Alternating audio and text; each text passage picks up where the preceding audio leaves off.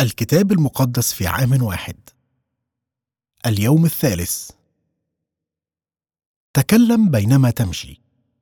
أحب المشي. يبدو أنه واحد من أفضل صور التمارين البدنية. طبعا المشي هو وسيلة للتنقل. في العالم القديم كان هو الوسيلة الأكثر شيوعا وبالنسبة للبعض كان هو الوسيلة الوحيدة للتنقل. السير لأي سبب يكون أكثر امتاعا لو كان مع شخص آخر. السير والحديث هو وسيلة رائعة للتواصل مع العائلة والأصدقاء وأيضا مع الله. الفكرة هي أننا نقوم بعمل شيئين في نفس الوقت حيث لا نمارس فقط تمرينا رياضيا أو نرتحل وإنما نمشي معا ونتواصل مع بعضنا البعض. صار كل من نوح وأخنوخ مع الله. إنهما لم يجلسا أو يركعا أو يقفا فقط مع الله. وهي نوعية الأفعال التي نربطها غالبا بتمضية وقت مع الله.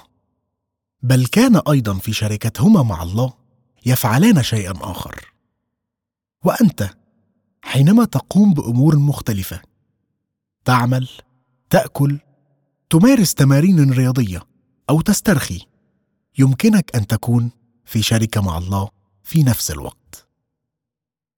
على المستوى الشخصي أجدها أيضا أفضل طريقة للصلاة. كان هذا هو النمط الخاص بي على مدى السنوات القليلة الماضية. بعد قراءة الكتاب المقدس كل يوم أذهب وأسير حول حديقة محلية والتي غالبا ما تكون خالية في الصباح الباكر وآخذ معي اوراقا وقلما لأكتب أي شيء. أشعر بأن الروح القدس يقوله لي أثناء صلاتي. يمكنك أن تصلي بينما تتجه نحو وسيلة المواصلات. أو فيما بين مقابلاتك اليومية. تكلم بينما تتمشى. لدى الكتاب المقدس قدر كبير ليقوله بخصوص السير مع الله. فهذا هو ما قصده لنا كي نعيشه. لقد كانت خطية آدم وحواء هي التي جعلتهما يختبئان.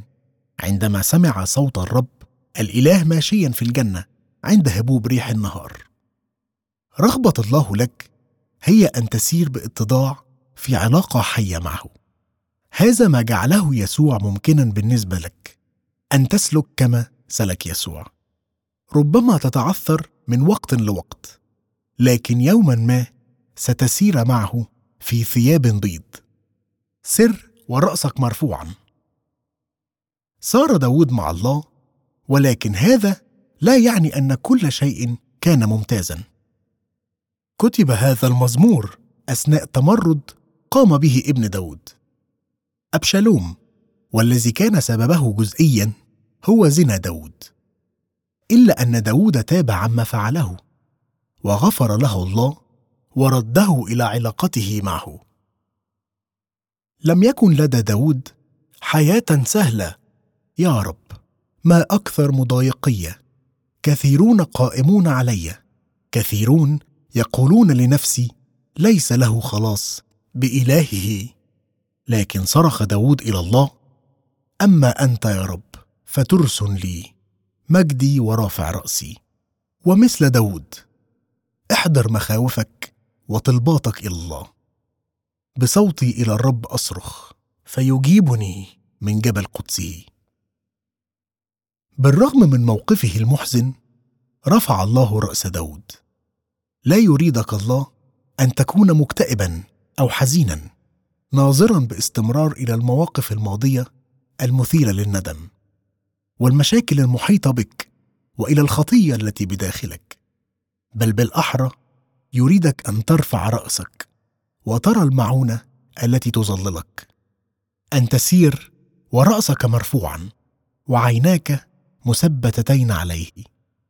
استطاع داود أن يقول أنا اضطجعت ونمت. استيقظت لأن الرب يعضدني. لا أخاف من ربوات الشعوب المصطفين علي من حولي. بالرغم من كل المشاكل يبدو أنه كان لديه سلام عميق. مثل بحيرة يمكن أن يكون بها أمواج عنيفة على السطح ولكن في العمق يوجد سكون عظيم. أصلي يا رب من أجل هذا العام الجديد أن تساعدني أن أسير معك يوميا في طريق السلام ورأسي مرفوعا واثقا أنك تسدد كل ما أحتاج إليه في يوم الآتي. سر مسرعا مع الروح القدس. أعد يوحنا المعمدان الطريق ليسوع بينما كانت معمودية يوحنا معمودية رمزية فإن يسوع سيعمدكم بالروح القدس. وقد تثبتت هذه النبوءة بصورة درامية عندما نزل الروح القدس على يسوع عندما تم تعميده. مبينا أنه هو من كان يوحنا يتكلم عنه وأن يسوع قادر على أن يسكب نفس هذا الروح القدس عليك وعلي. تختلف معموديه يسوع عن معموديتنا في نواح كثيرة فهو لم يحتاج أن يتم تعميده للتوبة وكان بالفعل مملوءا بالروح القدس. كان يوحنا المعمدان مترددا بشأن تعميده لكن قال يسوع اسمح الآن لأنه هكذا يليق بنا أن نكمل كل بر. من البداية تماما. قبل يسوع أن يسري عليه ما يسري علينا. نحن البشر الخطاه وفعل هذا حتى يمكنه أن يحمل خطايانا على الصليب من أجلنا. وكنتيجة لهذا تستطيع أنت أن تختبر الروح القدس بصورة مشابهة وأن تسر مسرعا مع الروح القدس. ونحن نرى هنا شيئا مما يعنيه أن تسر مسرعا مع الروح القدس. أن تتنقى بالنار. قال يوحنا أنه بينما عمد هو بالماء فإن يسوع سيعمد بالروح القدس ونار. سيأتي الروح القدس مثل نار منقية ليجلب القوة والطهر لحياتك.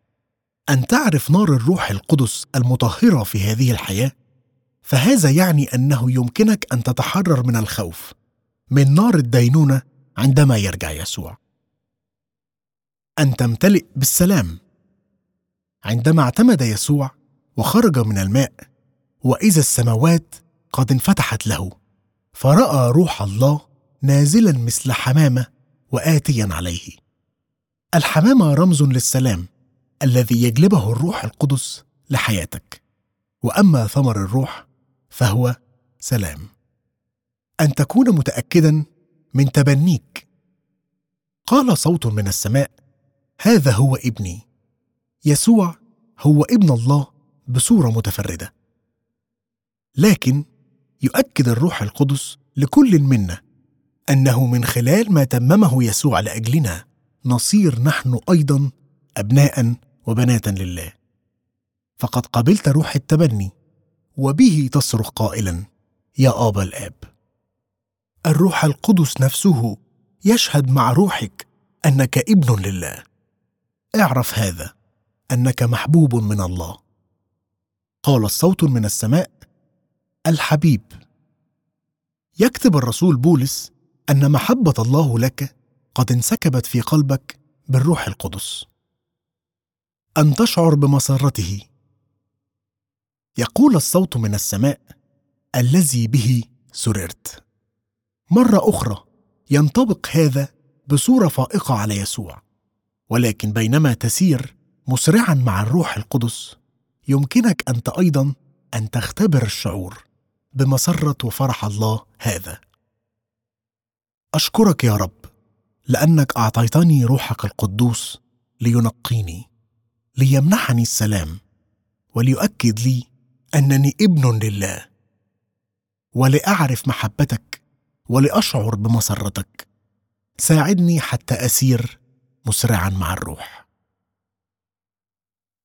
سر مع الله في علاقة معه.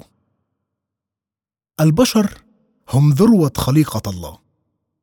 خلقنا الله لنسير في علاقة معه. على شبه الله عمله. ذكرا وأنثى خلقه وباركه.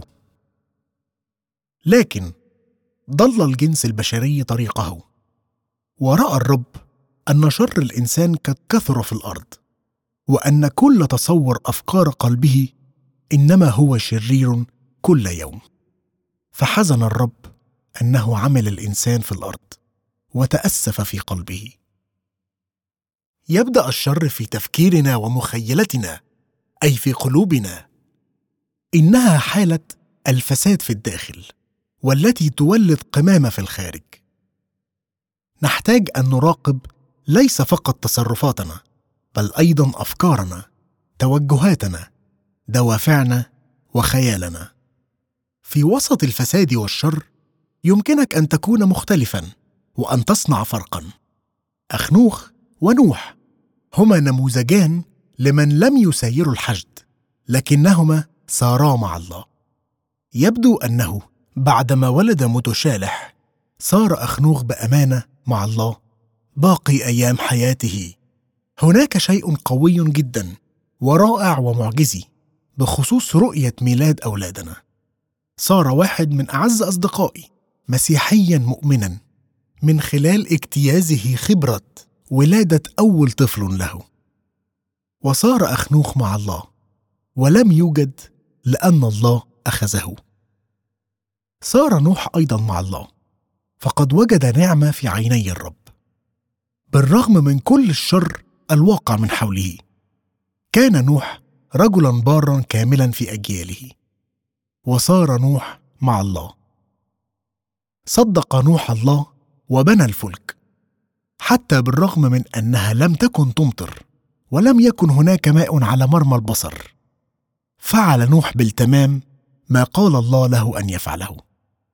ساعدني يا رب لكي أكون بارا وبلا لوم في أفكاري وكلماتي وأفعالي إذ أسير معك في علاقة حميمة. ساعدني كي أفعل كل شيء تقول لي أن أفعله.